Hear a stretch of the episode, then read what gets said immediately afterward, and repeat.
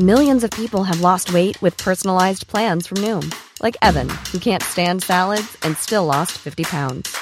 Salads, generally, for most people, are the easy button, right? For me, that wasn't an option.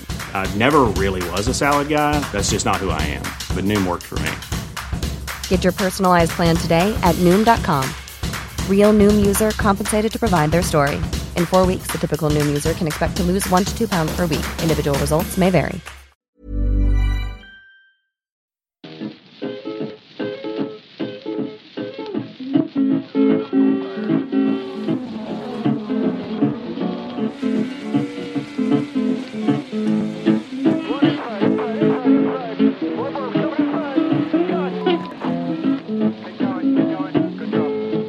Said I know where my easy rider gone. Said I wanna know where my easy rider gone. She's an easy rider, she ride not so long.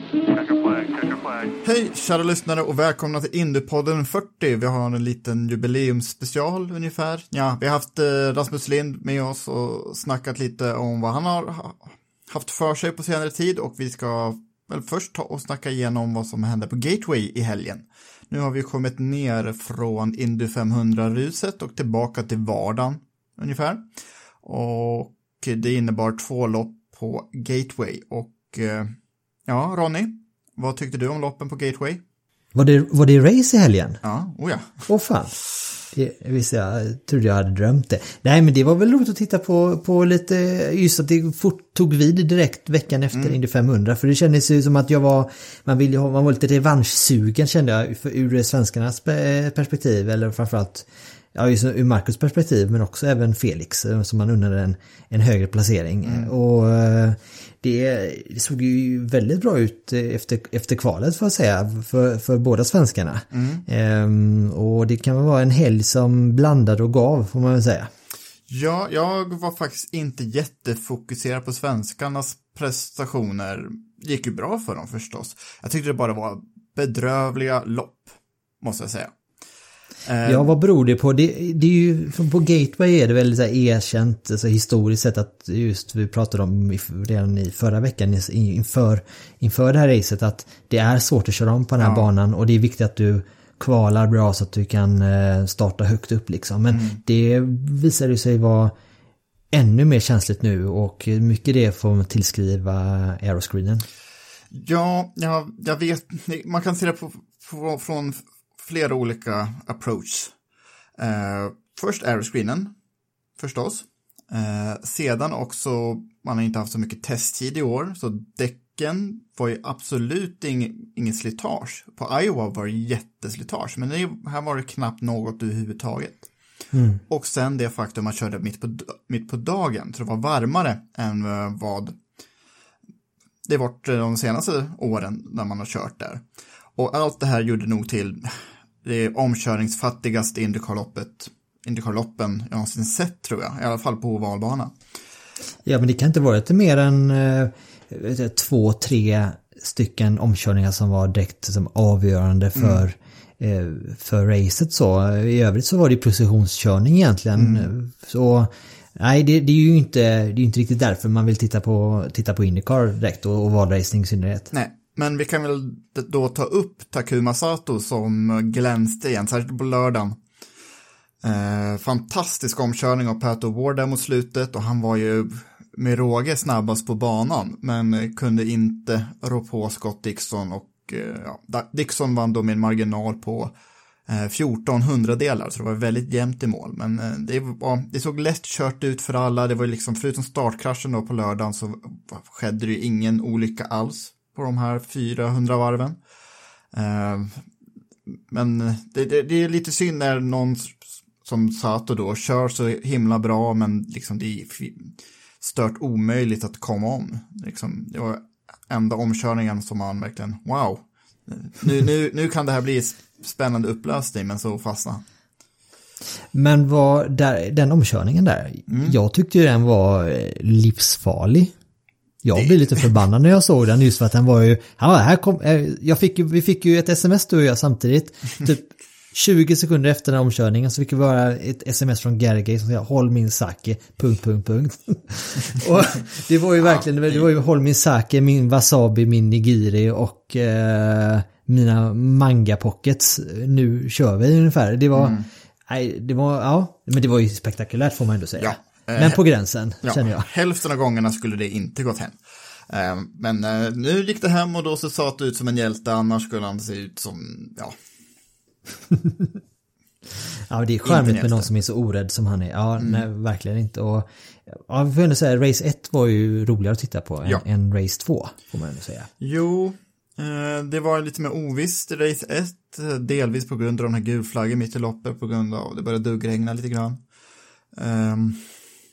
Men saknar, man saknar ju en del karaktärer längst ner i fältet. Den här dumma startkraschen. Paginot till exempel, hans bil var ju skadad. Rossi såg inte särskilt glad ut när han blev intervjuad av Hinch.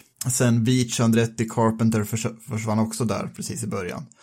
Uh, Ska vi försöka bena ut det lite exakt vad det var som hände mm. och egentligen vem kan vi klandra på den där startincidenten? För det var ju tre Andretti-bilar som plockades ur racet direkt där. Mm om vi ser från första början, det är ju Alex Palou som ska vara lite fiffig och försöka utsmarta hela fältet med att, ja, han tjuvstartade.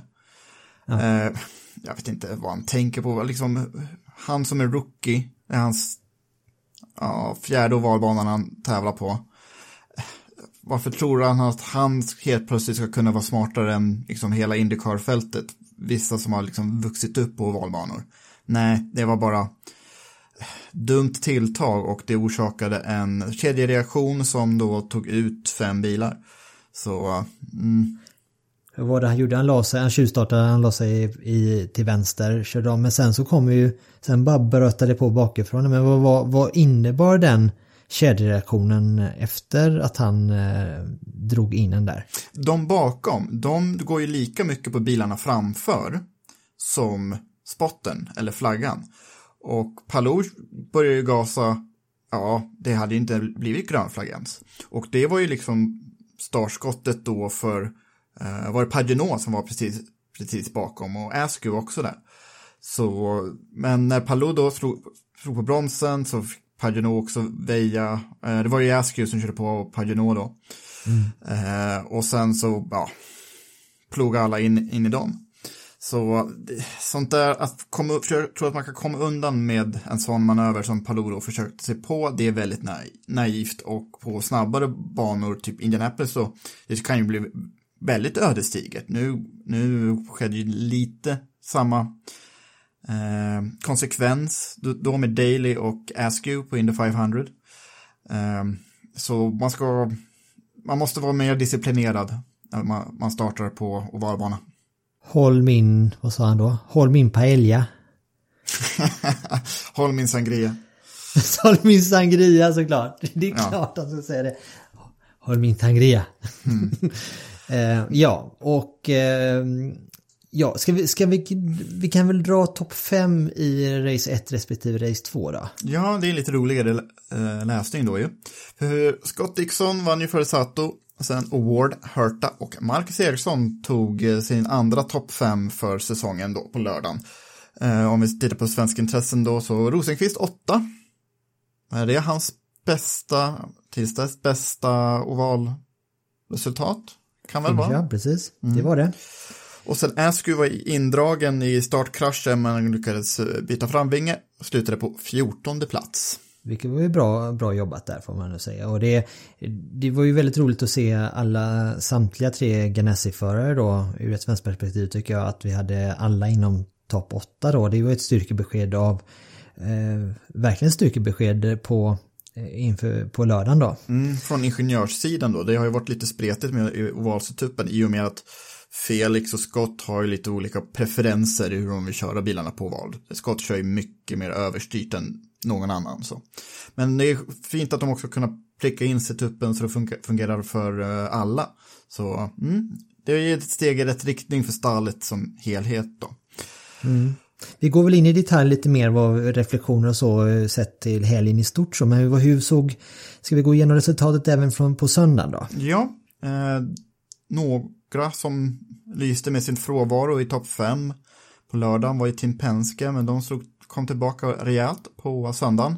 De vann i Newgarden och Ward kom tvåa. Sen Will Power som stod i pole på lördagen, men hade katastrofflopp som man ibland har. Power 3 alltså, Rhinus VK 4, Scott Dixon 5. Och sen om vi kollar eh, svenska intressen då så har vi Rosenqvist 7 eh, direkt efter Colton Hurta. Oliver Askew, tung, tung helg för honom, en 17 plats och sen sist, men absolut inte på eget bevåg, Eriksson då. Mm. Vad, vad tusan eh, hände där? Bakvingen lossnade. Sett till Marcus Helg stort här nu kan man väl säga så att han var ju minst lika snabb som eh, eh Scott eh, och, och Felix. Eh, ser man det. Men han förlorar ju konstant på depåstoppen. Ja framförallt det sista depåstoppet han gjorde på söndag, där, där, såg det ju till och med såsigt ut. Jag tycker alltid, alltid så depåpersonalen i depåteknikerna i alla, i alla team liksom springer igång bilen liksom och puttar iväg den så. Men det var en jävla eh, soffpotatis där som eh, bara, liksom bara stod och tittade när Marcus brände iväg då va. Så att det känns mm. som att de tappar han, han skuggade ju Charlie Kimball till exempel på söndagen och kom inte riktigt om då. Han var ju, Charlie Kimball var ju ett varv efter då. Det, det var ju flera så som hade just problem med omkörningar och det var det du var inne på i början också. Mm. Eh, men jag lyssnade ju även på på eh, just Marcus radiotrafik på, på söndagen där och det de, de, de, får ju ut honom på fel ställe då, bara för att de är så långsamma. Så mm. hamnar ju bakom då en, en, eh, en, en, en bil som var varvet efter då. Eh, sen så när han gick in i depån, han skuggade ju Charlie Kimball då, tappade ju då mot Sato och Felix som, som låg framför där då, närmast i, i kön då. Och sista depåstoppet, kom ut igen, då kommer han ut alltså en halv raksträcka efter Charlie Kimball. Så har Charlie Kimball tagit en halv raksträcka på bara depåstoppet. Mm. Uh, och det var så påtagligt hela vägen för han, han körde bra men tappade, varje depåstopp tappade han minst liksom två, tre placeringar. Sen anledningen till att han blev, till slut blev femma i lördags då, det var ju att han hade ju lite tur då med, med gulflaggen, mm. vilket han kunde känna in ett depåstopp och då han liksom tog igen det han hade förlorat på depåstoppet innan. Så de har en hel del att jobba på där, så teamet har mycket att jobba på. För det inte, nu har det hänt väldigt många gånger att Marcus har tappat eh, potentiella topplaceringar på just teamets eh, misstag eller såsighet. Ja, och det finns ju en en förklaring till varför eh, Marcus killar inte håller Ganassi-standard då. Eller jo, det, är kanske lite eh, orättvist att säga så, eftersom eh, de här killarna kommer från Ganassis gamla GT-stall. Ganassi var ju Fords fabriksstall i sportvagns-VM och i amerikanska IMSA-serien. Och man vill ju ogärna bara ja, låta dem gå. Så det är de som har också möjliggjort att Marcus satsning på den här tredje Ganassi-bilen ens kunde hända. För att de hade massa mekaniker över från Fords nedlagda satsning. Eh, det, mm. det var ju helt Fords eh, beslut att lägga ner GT-stallet. Så det är de som har bemannat Ericssons garage. Och det är väl fortfarande en viss ringrostighet att de inte riktigt kommit in i eh, Indycar-rytmen, hur ett Indycar-depåstopp fungerar. De är mycket snabbare än när man i sportvagn där eh, man inte får tanka och byta däck samtidigt till exempel. Så att, eh, ja, det, det, det, har gått för många lopp nu, liksom det här var årets åttonde och nionde lopp. Mm. Så, och det är fortfarande de här problemen som hade varit acceptabla kanske första loppet, men nu, nu har det hållit på lite för länge. Så jag förstår frustrationen som många känner kring Marcus de Postop. Jag tycker jag ska sätta Alex Elg på att eh, lite fysträning där. Mm. Eh, och explosiv träning för, för Marcus eh, eh, team där. Jo. Så kommer det nog bli bättre. Nej men det, det är väl så. Det, det här är ju inte, det är inga enkla saker och det är ju precis så som du säger Jakob. Det, bara, det blir frustrerande när man ser att när han, han gör så pass bra ifrån sig som han gör och så ändå så har, ju som ogjort så fort det har blivit ett depåstopp. Och framförallt nu då en sån här helg då som på Gateway där hela racet avgjordes ju i depån liksom.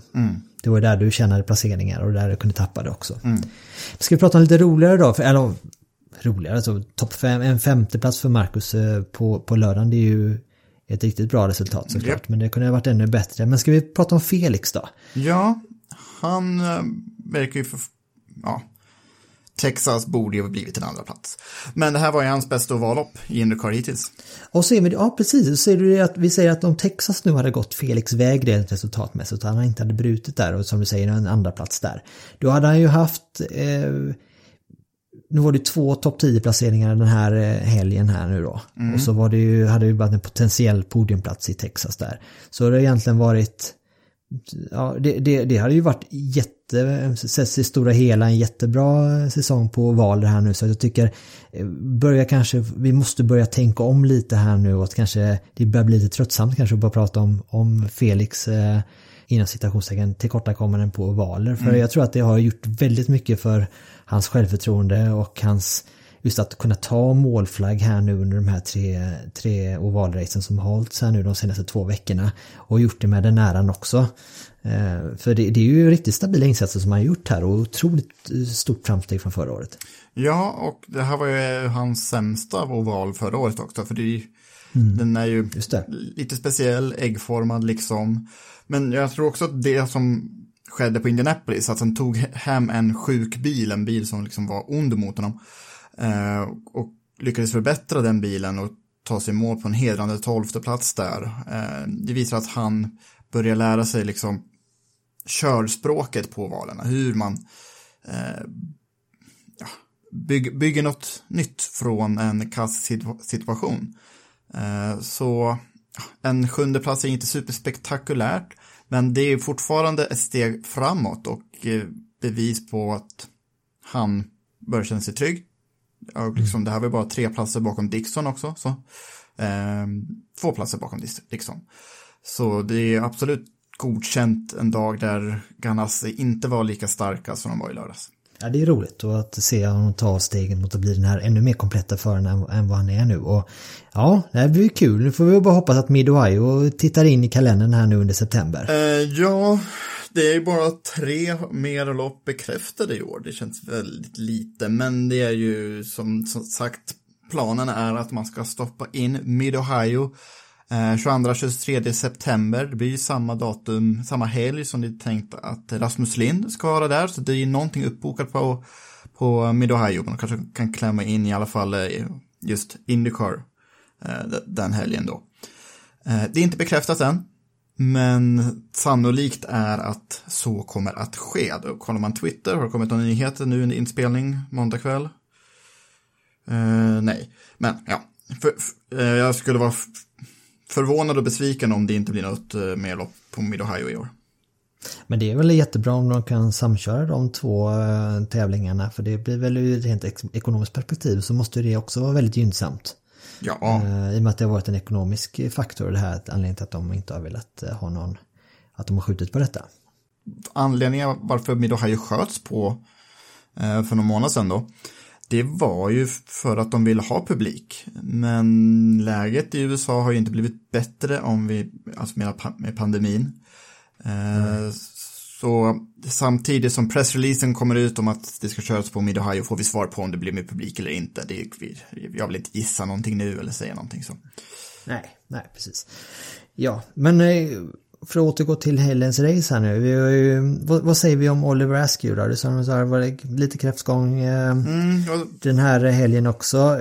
Eh, Det är väl en klassisk sån här rookie-jämnhetsfråga. För jag såg en intervju, en kort intervju med Robert Wickens som är liksom förarcoach för eh, McLaren-teamet. Och han sa det att han jobbar fortfarande på att hitta den här, den här jämnheten nu för, eh, för Oliver här nu. För han det har ju varit lite, lite svängigt eh, stundtals och så. Men sen eh, har det ju inte bara varit hans eh, förtjänst eller hans fel heller utan det har varit andra omständigheter också. Men eh, lite tuffare helg för honom här. Jo, och den här kraschen i starten, det förbättrar ju aldrig bilen och sen har man inte lika bra data att gå på inför söndagens lopp. Så eh, ja, det var en bara grå helg för Askew. Han fick ingen tv-tid så vi kunde, knappt se honom på banan under, under helgens gång.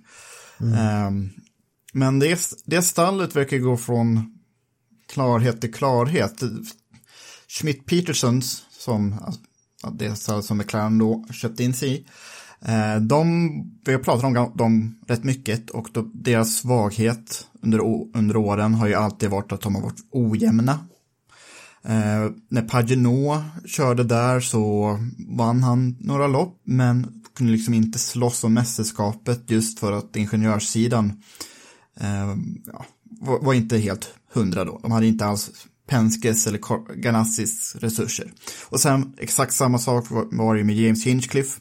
Han eh, vann på Long Beach, han vann på Iowa. Eh, man kunde aldrig liksom hota om mästerskapet. Eh, nu dock, Patricio Award, han, eh, han är en riktig stjärna in the making. Eh, jag tror att eh, Ja, de är ungefär samma ålder då. Ward kanske till och med är yngre, men han har ju lite mer erfarenhet av Indycar än uh, Askew. Och jag tror att de har ett gott samarbete på G. Hoppas bara att resurserna finns för stallet att behålla både Ward och Askew. Och det finns ju inget som tyder att de inte skulle ha det. Mm. Så det, det, det må ha varit en grå helg för Askew, men framtiden ser fortfarande ljus ut skulle jag vilja säga. Mm. Och när du ändå är inne på eh, Pat Award nu så är det ju väl, får vi säga att det är, det är Award tillsammans med Dixon, eh, Penskis eh, tillbakastuds här under söndagen med Joseph Newgarden i, eh, i topp. Och eh, får ändå säga det också att eh, Takuma Sato har liksom gått från klarhet till klarhet den här både Indy-helgen och eh, den här helgen här nu. Det, det, är några, det är några som har momentum nu och det är otroligt spännande att se fortsättningen här, även om Scott Dixon har drygat ut sin, sin mästerskapsledning. Mm, och ja, det är ju liksom de det handlar om, även om det är kanske lite naivt att tro att någon ska rå på Dixon i mästerskapet. Men eh, liksom, Ward tänkte man, ja, innan säsongen alltså, tänkte man, han kan nog eh, glänsa lite då och då, men eh, just den här jämnheten han har visat upp, det är det som är det mest imponerande. Han har tagit tre mm. pallplatser Eh, sämsta resultat har varit två tolfteplatser, annars har det bara varit topp åtta. Mm. Eh, var ju på pole på Road America, kom berömt nog två där bara, i och för sig, bakom Rosenqvist. Eh, Eh, och sen nu två pallplatser igen på Gateway, så att eh, ja, eh, vore riktigt kul för mexikanen om han eh, äntligen får ta en seger nu då. Mm. Så topp 10 mästerskapet här nu när det blir eh, ett par veckor, åtminstone ett par tre veckors eh, uppehåll så har vi Scott Dixon i topp på 415 poäng.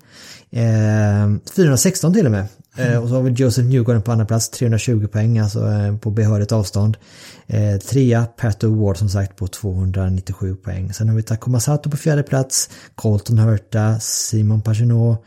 På sjunde plats har vi Graham Rahal som har lyckats bita sig kvar i topp 10 där. Mm. Santino Ferrucci har vi på nionde plats och så Felix Rosenqvist som avrundar där topp 10. Sen har vi Marcus Eriksson nere på tolfte plats efter Ryan Hunter Race och tappat lite mark då mot topp 10 efter eh, framförallt söndagens, eh, söndagens race då och eh, eh att han Indy 500 att han bröt där också så. Men det det hinner vända. Eh, och sen så har vi Oliver Askew nere på 17 plats där. Och sen... En, Alexander Rossi på 18. Ja, jag tänkte precis säga det. Vilken extrem katastrofsäsong för Rossi. Ja, men så, jag tänkte ändå för Andretti överlag här nu. Alltså om du om bortser på Colton mm. Hurta. Eh, femte. På, eh, vad sa vi nu? På, på femte, jättebra, stabilt. Så har vi Ryan Hunter Ray på elfte. Mm, ja. Sen har vi alltså Rossi på 18. Zach Beach på 20. Marco Andretti på 21. Ja. Och så har vi James Hinchcliffe på 23 plats och han har ju liksom inte ens kört alla race. Han är ju nästan uppe och, och nosar mm. då på att vara förbi Marco Andretti med några poängs skillnad såklart. Men det är ju, kräftgången fortsätter för Andretti som team får jag säga. Ja, de har ingen flyt heller. Nej, uh, exakt. Rossi har ju, har ju en pallplats på Road America, men annars har ju, förutom det har, jag, har han ju inga incidentfria lopp. Mm. Han var ju med och kunde hota Dixon på och satt då på, på Indianapolis, men det ville sig inte efter den här bestraffningen. Eh, Texas kom han inte ens till start. Eh, lite andra tekniska problem här, här och var. Så eh, han, kan, han kan saka den här säsongen redan nu tror jag. Och han vill nog velat tycka var 2021 på en gång bara. Och sen ska vi försöka ta och eh, sammanfatta Tony Kanans karriär. Ja, för detta ska ju egentligen vara hans sista race, mm. eh, var det ju sagt. Men han är ju sugen på att köra vidare. Nu gäller det bara att han får ihop eh, eh, finansiering då, men... Eh... Jag tycker att han är värd att göra en sån här avslutningsturné i under normala förhållanden inför publik. Han har ju liksom varit en, den mest populära föraren på Indy 500 de senaste 20 åren. Så jag tycker han, han jag tycker att eh, han förtjänar att synas på startgriden 2021 också. Mm. Det är väl bara att skriva under på det och han verkar ju både populär in i paddocken och bland fansen så att han är ju en eh, han är en väldigt sympatisk person. Oh ja. Man säga. ja. Eh, när jag var på Indy 500 eh, 2015 då satt vi bredvid en eh, brandmansfamilj som alla i släkten höll på kanan och det var till och med någon som grät när han bröt det loppet den gången. Så han, han är en stor karaktär, eh, brasilianaren som nu är då 45 år gammal. Han är född på nyårsafton 1974. Eh, han har då vunnit 17 lopp. Eh, sista segern kom eh, på California Speedway 2014 när han körde för Ganassi. Eh, sen dess har ju, har ju hans resultat dalat lite, kom 15 plats i mästerskapet förra året. Men han vann eh, hela serien 2004 och eh, då gjorde han något helt fantastiskt. Att han kom i mål i topp 5 varenda lopp. Ja, varenda lopp förutom ett. eh, men det var en åttonde plats. Så det var den mest jämna och en av de mest dominanta Indycar-säsongerna någonsin sett när han körde den här 7-Eleven-bilen för Andretti. Mm, den klassiker. Det var synd att inte han fick avsluta säsongen med den. För den här Big Machine Volca, den var ju lite cool så men den var ju väldigt lik eh, Felix monsterbil här. Ja. Eh, och, eh, och, och, eh, man såg inte vad det stod på bilen heller, den var i full fart. Men det hade varit roligt att se mer än ett race i år med 7-Eleven-bilen, det hade mm. varit kul. Jag hoppas att den kommer tillbaka lagom till maj nästa år kanske. Mm, får, det tror jag också att det gör. Vi får se vad framtiden håller för eh, Tony Kanna. Ska vi avsluta eh, just, eh, ska vi, innan vi lägger Gateway till handlingarna här nu, att vi skulle välja ut varsin stjärna kanske. Nu har vi varit inne på en hel del så, men du får bara välja en nu Jakob. Vilken, vem väljer du då? när resten av Andretti-stallet går så dåligt så Colton Hurta visar att eh, han är väldigt mogen Indycar-förare redan nu. Tycker du inte? Ja, nej, vi, var ju, vi hade ju höga tankar om honom här inför den här säsongen. Det skulle vara så kul att se honom eh, just eh, som en fullvärdig medlem av Adrette-familjen och se vilka stora han skulle kunna göra där. Och han har ju inte vunnit någonting i år ännu. Det var, han, så förra, hans succésäsong förra året då som, som rookie har ju gjort oss lite bortskämda där tror jag. Eh, för han, den jämnheten han visar nu som du är inne på är ju ett viktigt steg i att bli den här kompletta föraren som han eh, till mångt och mycket redan är så. Så att jag tycker, ja, ja bra val där mm. faktiskt. Mm. Ut, utan val. Eh, resultaten han fick på Iowa, den var med den här kraschen i första loppet. Och då körde förmodligen lite skadad till tilltufsad bil i andra loppet. Då kom han på 19 bägge två. Men annars har hans, hans sämsta resultat varit den åttonde. Eh, sjua Texas, fyra på Indianapolis Grand Prix, par femteplatser på Road America, åtta på Indy 500 och sen en fjärde och sjätte plats här på Gateway. Så det, eh, mm, jag tror nog att han, vi ska inte räkna bort honom från segersnacket eh, när vi kommer till Mid-Ohio och St. Pete sen då. Jag tänkte ju alltså, men Pat O'Ward måste jag ju säga nu som, som eh, min stjärna. Uh, men jag känner samtidigt att de inte... Fast jag skulle nog vilja säga Ryanus VK den här helgen ändå. Mm. Okay. Sett till, uh, han, han startade ju riktigt långt ner i, i söndags. Körde upp sig och blev till slut, uh, gjorde, en, gjorde en undercut och blev, vad blev han? Fyra. Fyra, Från precis. 18 startplats. Ja, precis. Och eh, sexa sen väl på eh, i, i race 1 på lördagen där. Mm, jag gjorde några eh, grymma omstarter också. Ja, precis. Och jag, jag tycker Tar man en sån som Pat Award så är jag alltså otroligt imponerad. Men för jag skulle vilja lyfta även Ryan's VK som vi inte pratat om så mycket idag. Just för att han, han är fortfarande rookie. Eh, och har sett till hur han har studsat tillbaka från eh, första racet i Texas där. Eh, till där han är nu. Så han är ju verkligen på, på uppåtgående. Så jag vill faktiskt lyfta fram honom lite extra här också den här helgen.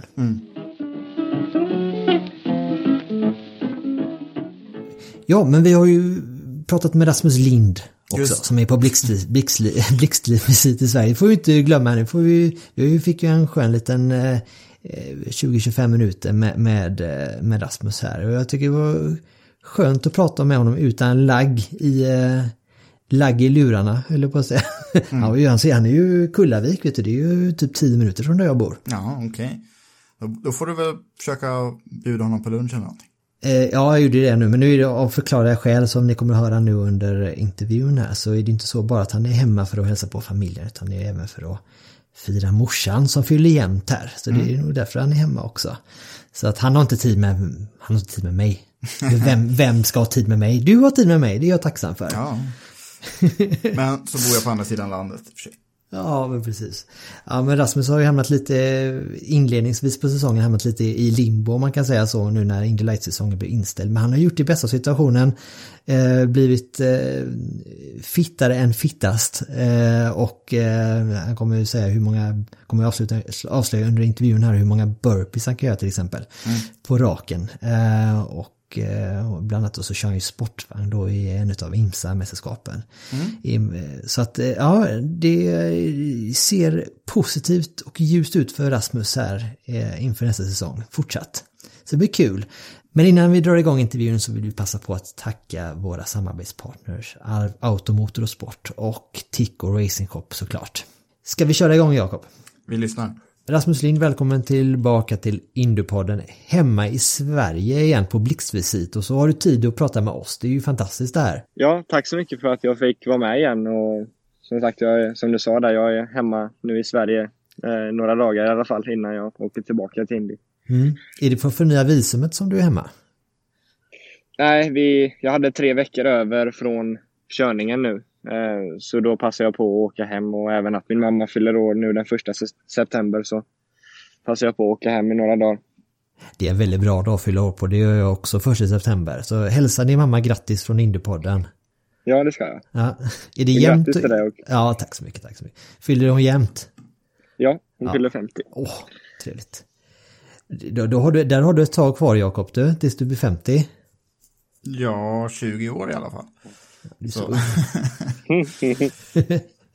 ja, ja, kul. Men berätta lite om, eller berätta mycket får jag säga, om eh, hur har du, du har ju kört eh, sportvagn här nu har det blivit istället för Indy Lights. Vi kan väl börja i den änden. Hur, eh, hur, har det, hur känns det? För du har ju, ni har haft lite medgång och så lite oflyt också vid ett par tillfällen där. Men överlag, hur, hur är det att köra sportvagn? Alltså, det är ju, hästarna är ju samma, så det är 450 hästar eh, i denna också. Eh, men den väger ju mycket mer än vad en Indy Light-bil gör. Eh, så det är lite annan körning, men eh, det är bara bra för mig så jag lär mig många sidor utav racing. Eh, mer brett liksom vad jag kan köra och vet liksom om jag vill köra sportvagn sen. Och sen liksom vad det nu blir. Eh, så vi har haft, första racet körde jag i Sebring, eh, som var andra racet på IMSA-säsongen. Eh, så blev vi sexa i det racet.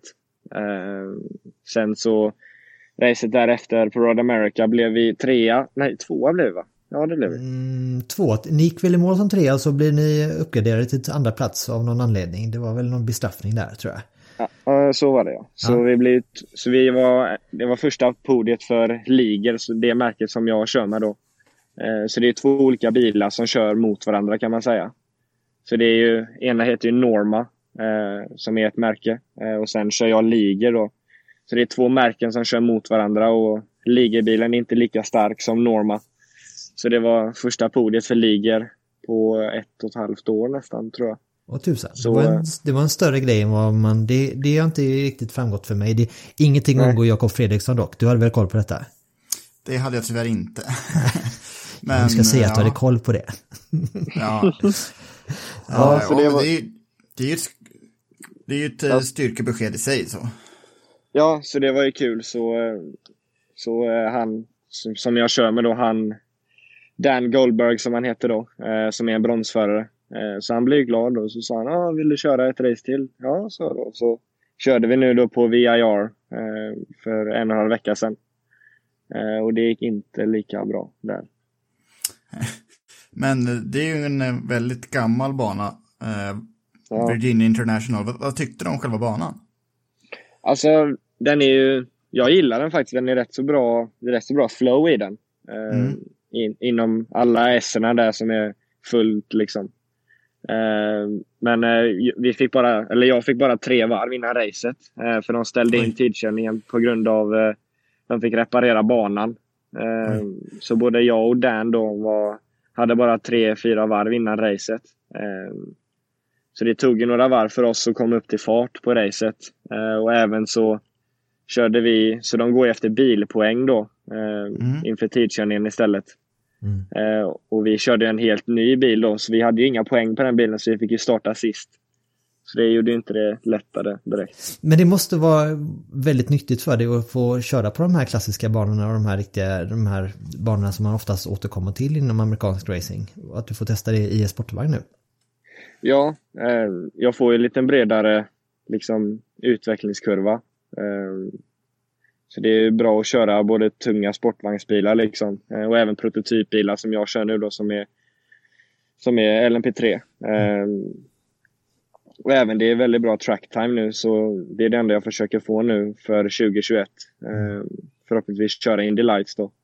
Ehm, så det är bara att försöka få så mycket tracktime som möjligt nu för att förbereda för nästa säsong. Mm. Mm. Där har vi Jakob en, eh, vi kan ju kasta oss in på de tunga frågorna direkt här nu för det har varit, eh, har ju snappats upp lite, Stefan var med på den här nu för ett par veckor sedan och um, han släppte lite grann att han var osäker på, han vet, vet ju inte om det blir något in lights nästa år. Vilket hade ju in, index skapat liksom ett hålrum där, ett vakuum för en så här, sista steget in i Indycar. Vill du dra mm. den eh, från Jonas Magnusson, Jakob? Ja, de här lyssnarfrågorna vi har samlat ihop, några stycken. Så ja, herr Magnusson frågar då att han konstaterar att Stefan Johansson lät skeptisk till att det blir, blir något Lights 2021. Vet du något mer Rasmus om vilka diskussioner som förs då bakom kulisserna och vad vill du göra nästa år om det inte blir någon Indy Lights? Eh, alltså, jag har inte hört något mer. Eh, mm de, eh, de säger ju att det ska bli nästa år, men det är ingen som vet. Liksom. Eh, det är ju någon, någonting som jag har hört, det är någonting med Honda där va, som de har ju lagt in massa pengar i scholarship till Formel 3 eh, och köra Indy Lights. Mm. Mm. Så det, det, är ingen som vet liksom vad som kommer hända. Om det blir en annan motor eller vad det nu kommer bli. Mm, men det känns ju som något spontant som att det är exakt som, precis som du säger nu att Honda har lagt in pengar i Formel 3 där.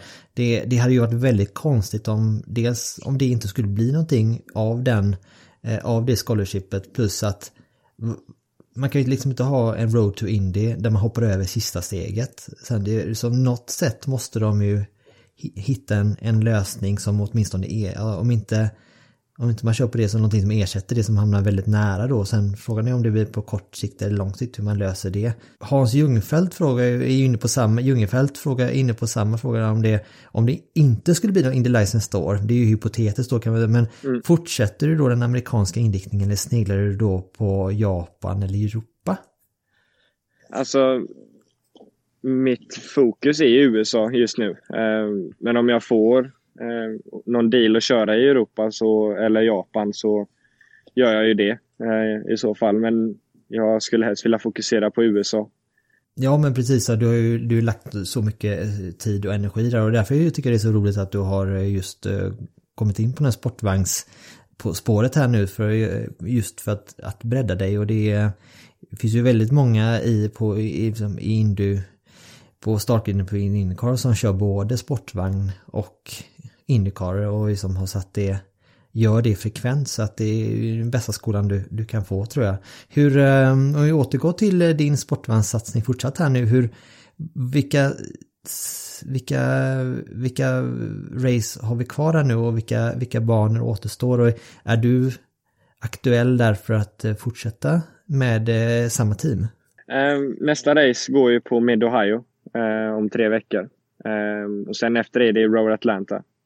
Eh, så det är två race kvar på säsongen. Eh, och just nu vet jag inte om man kommer fortsätta att köra eh, de två. Eh, det får vi se här nu kommande vecka eh, hur det blir. Men förhoppningsvis så kommer jag köra hela serien ut.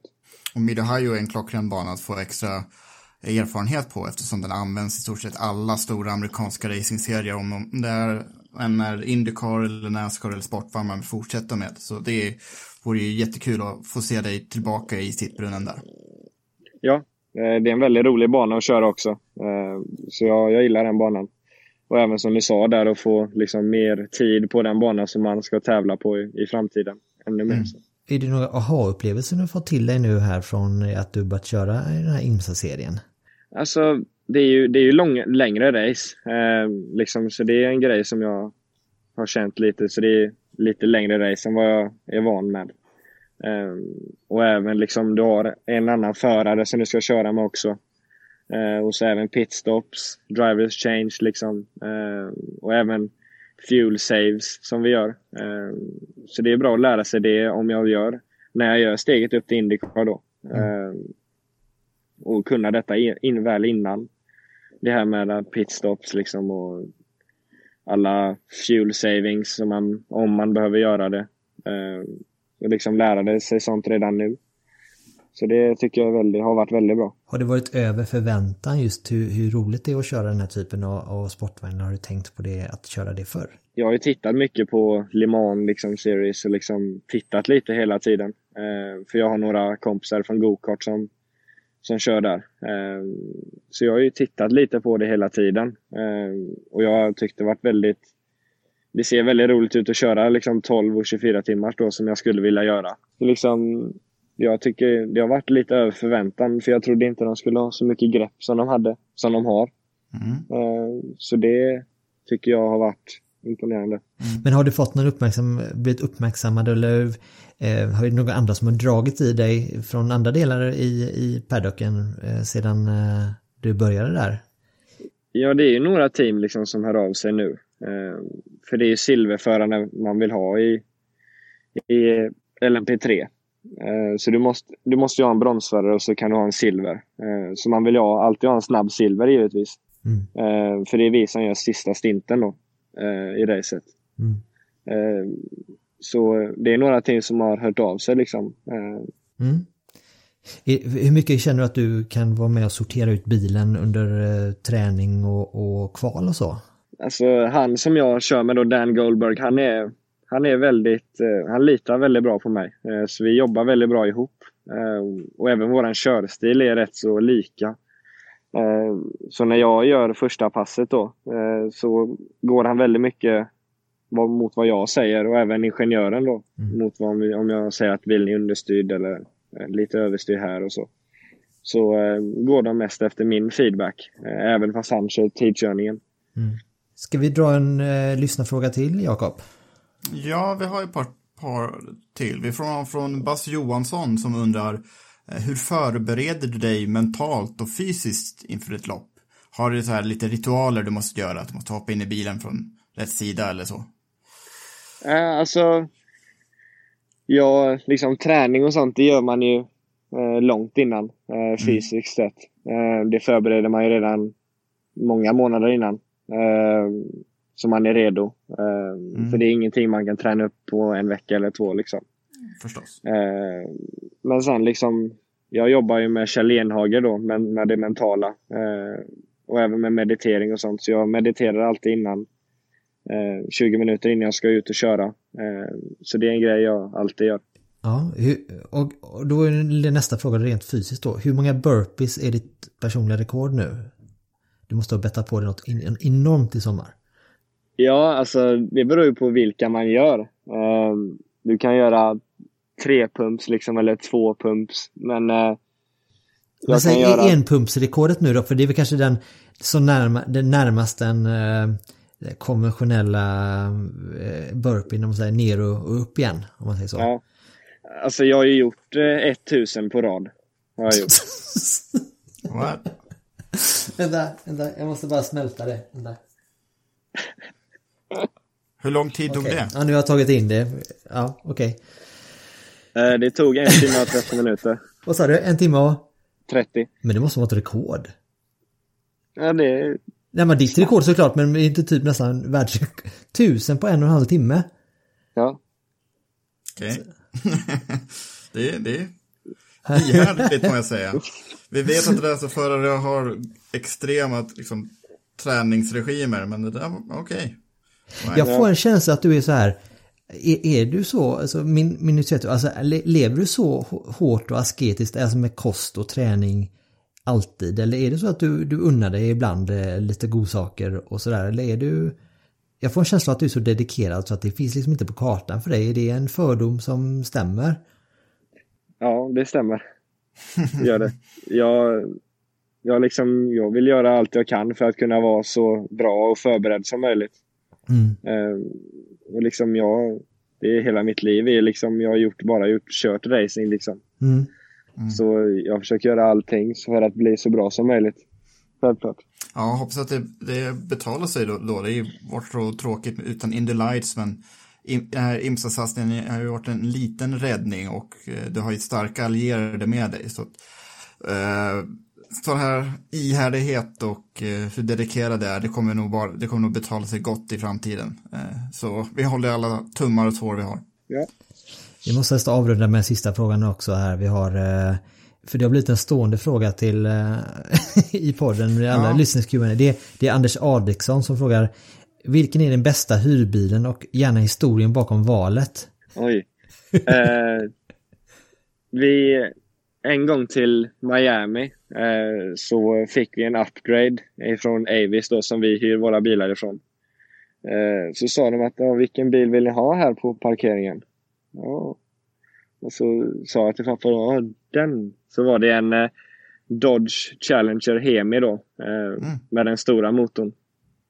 Eh, så den var rätt så ball. Det var bra flås i den. Det var Ja. snäppet vassare än Linus Lundqvist eh, Fiat Panda. Ja, just det. Det är väldigt Så- viktigt vilken färg det var på den här sa du. Vilken färg var det på, på din? Den var svart, jag tror jag. Ja, Ja, det var den. Svart. Riktig hårding sådär. Ja, det är bra. Rasmus, eh, men det, då, då ska vi följa, då, kan vi räknar med det på startlinjen i nästa IMSA-race då på Mid Ohio om tre veckor. Det så nästan, jag tror nästan vågar lova det va? Ja, jag hoppas på det i alla fall. Ja, men då kan du hoppas på det så lovar vi det i Indiepodden. Vad säger du Jakob? Ja, vi, vi, vi tar det på oss. Ja, vi tar Ja, Ja, det låter bra. Ja, och tack så mycket Rasmus och hälsa mamma så gott. Grattis på Ja. födelsedagen. Tack själv, detsamma. Tack. Hej då. Ja. Hej. 1000 burpees på en och en halv timme. Eh, jag skulle nog bara hinna med tio. ja, det är helt så här, ofattbart eh, starkt faktiskt. Får man säga. Och, eh, tack så mycket till alla som skickat in era frågor också eh, till, till Rasmus. Vi får ju passa på att göra det här. Så eh, det var skönt att få prata med Rasmus igen faktiskt. Mm. Ja, eh, kan säga det att eh, vi samlar in frågorna genom våra sociala medier. Så om ni inte följer oss på Facebook, Instagram, Twitter så gör det. Eh, så kan ni vara med och utforma Indiepodden li lite grann när vi efterlyser det i alla fall. Mm. Och eh, vi kan faktiskt, vi har ju inte bett om det förut men det har varit väldigt roligt alltså om ni tycker om Indiepodden och att ni, nej det är fan det här är bra skit alltså. Så gå gärna in och ge oss ett betyg i er, eh, i er podcast-app också. Man kan ju sätta betyg där på poddarna så att vi eh, Känner ni att ni vill ge oss en eh, typ en, ja, vad ska man dra något ur luften, en femma kanske av fem möjliga. Så eh, gör gärna det för det är, det är ju vi är jätteglada för. Ehm, ja, vad ska du göra i veckan nu? Som sagt, det, är ju, det kan ju vara så illa så att vi hela september, eh, vi kommer gå hela september utan ett enda Indycar-race. I bästa fall kanske vi får ett då eh, i slutet av september, men vad ska, vi, vad ska vi göra? Vad ska vi ta oss till? Kolla på lite klassiker, kanske. Ehm, vi fortsätter väl att bomba ut lite klassiker på, på vår Facebook. Eh, men vi ska väl hitta på lite annat att snacka om under tiden. Ja, herregud, vi, det är ju det vi gör bäst. Så jag tycker vi kan väl ta upp tråden kring lite Indycar-historia där och hitta lite nya spännande människor att intervjua också från mm. Indy-paddocken. Så ja, vi, eh, vi har många roliga idéer så vi köttar på här nu helt enkelt och mm. laddar. Det är bra Jakob, så får du ha en sån underbar vecka här nu så hörs vi om eh, ja, sådär sju dagar igen. Tack detsamma Ronny och eh, grattis på födelsedagen i förskott. Ja, tack så mycket. Det är väl tre timmar kvar och du kommer fira med att klippa det här antar jag. Ja, det finns inget roligare att göra. Så det är det bästa jag vet, mm. typ. Ja, ha det bra. Hej. Hej. Said I wanna know where my easy rider gone. I where my easy rider gone. She's an easy rider, but she do ride hard so long.